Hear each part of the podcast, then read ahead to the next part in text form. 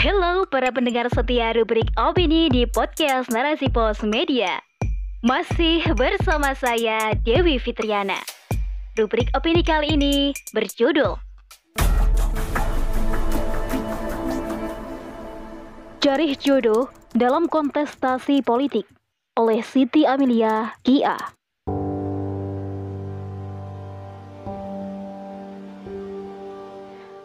Baru-baru ini, Partai Keadilan Sejahtera atau PKS menggelar acara milad ke-20 di Istora Senayan, Jakarta pada Minggu 29 Mei. Sejumlah elit parpol hadir dalam perhelatan acara tersebut. Di antaranya hadir juga PKB, PPP, Demokrat, dan Golkar. Sekretaris Jenderal atau Sekjen PKS Abu Bakar Al-Habsi dalam milad tersebut menyatakan bahwa sangat terbuka untuk berkoalisi dengan siapa saja namun beliau mengatakan juga bahwa PKS saat ini tidak mau dikunci soal koalisi. Menurut Abu Bakar, PKS akan mengusung pasangan capres-cawapres yang potensial untuk menang. Hal ini karena PKS ingin agar periode berikutnya berada dalam pemerintahan bukan sebagai pihak oposisi. Koalisi dalam sistem demokrasi dianggap hal yang lumrah terjadi, hal yang biasa dan sah-sah saja karena memang bagian dalam sistem demokrasi. Koalisi itu sendiri merupakan upaya dari beberapa partai yang bergabung untuk saling bekerjasama memperoleh kelebihan suara dalam parlemen atau pemerintahan. Juga bertujuan untuk memenangkan parpol dalam pemilu sehingga suara parpol terpenuhi dan diharapkan mampu menduduki kursi pemerintahan. Namun yang menjadi titik kritis dalam koalisi parpol di sistem demokrasi ini adalah menandakan bahwa posisi parpol tersebut lemah, tidak berdiri sendiri. Hal ini ditandai dengan mereka saling mencari jodoh untuk bekerjasama guna meraup suara untuk duduk di pemerintahan. Partai politik pastinya memiliki ideologi partai dengan asas dan tujuan yang ingin diraih. Jika sebuah parpol bergabung dengan parpol lainnya dalam hal ini berkoalisi, tentu saja akan melemahkan fungsi kontrol parpol yang sesungguhnya. Parpol akan tidak berdaya karena ideologi, visi, serta misinya akan melebur dengan parpol lainnya. Sehingga parpol akan terjangkiti pragmatisme dalam berpolitik, yakni berkoalisi berdasarkan asas manfaat atau keuntungan kelompoknya semata, bukan untuk mengemban amanah rakyat yang mempercayakan mereka. Apalagi jika parpol tersebut merupakan parpol yang berideologi dan berasaskan Islam, tentu akan sangat berat jika bergabung dengan parpol berbasis nasionalis atau sekuler. Belum lagi saat merumuskan suatu kebijakan atau melegalisasi UU. Tentu akan sangat berseberangan.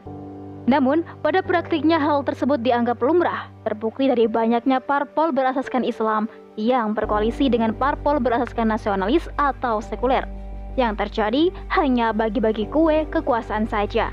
Suara rakyat bukan jadi prioritas awal partai. Sungguh, hal ini sangat berbeda dengan parpol dalam sistem Islam, di mana keberadaan partai atau kelompok memang diperintahkan Allah Subhanahu wa Ta'ala yang termaktub dalam Surat Al-Imran ayat 104.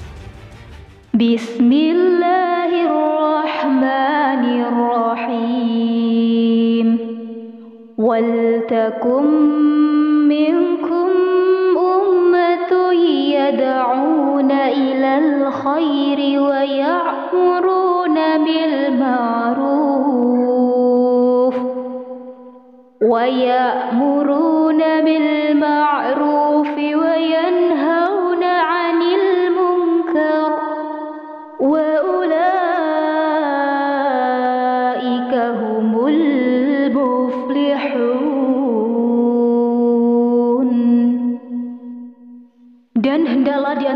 kamu ada segolongan orang yang menyeru kepada kebajikan, menyuruh berbuat yang ma'ruf dan mencegah dari yang mungkar.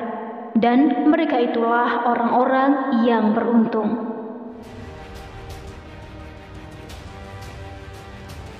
Kelompok atau partai dalam sistem Islam memiliki tugas, yakni beraktivitas menyeru kepada Islam atau dakwah dan melaksanakan amar ma'ruf nahi mungkar. Untuk dapat menjalankan fungsinya, Parpol harus memiliki ikatan antar anggota yang kuat. Landasan dan asas parpol juga bersandar pada akidah Islam dan berusaha mendakwakan syariat Islam yang berlaku untuk semua. baik kepada rakyat maupun penguasa. Aktivitas dakwah tersebut masuk dalam aktivitas politik karena keberadaan parpol sebagai institusi pemikiran yang akan mengedukasi rakyat, yakni menyampaikan aspirasi rakyat kepada pemerintah. Otomatis, parpol yang berkoalisi harus sejalan dengan parpol koalisinya, baik kesamaan akidah, landasan, dan asas partai. Jika tidak demikian, maka yang terjadi adalah parpol akan menjadi pragmatis. Fungsi penting parpol sebagai fungsi aspirasi tidak akan berjalan sebagaimana mestinya. Karena parpol terjebak dalam koalisi yang beda arah. Jika itu terjadi, parpol akan mandul dan parpol tidak bisa mengawal pelaksanaan pemerintah untuk tetap berada dalam koridor hukum syarak. Fungsi legislasi atau pembuat UU dalam sistem Islam sudah termaktub mutlak bersumber kepada Al-Quran dan Sunnah bukan berdasarkan kepada suara mayoritas yang ada dalam sistem demokrasi. Untuk itu, Parpol akan tetap berusaha menjaga agar pengaturan urusan umat sesuai dengan syariat Allah taala partai bekerja sama dalam kebaikan dan ketakwaan untuk mewujudkan pemerintahan yang adil dan menjaga agar tetap berada dalam koridor hukum syara sehingga tercapai negeri yang baldatun, thayyibatun, wa rabbun ghafur. Wallahu alam bisawab.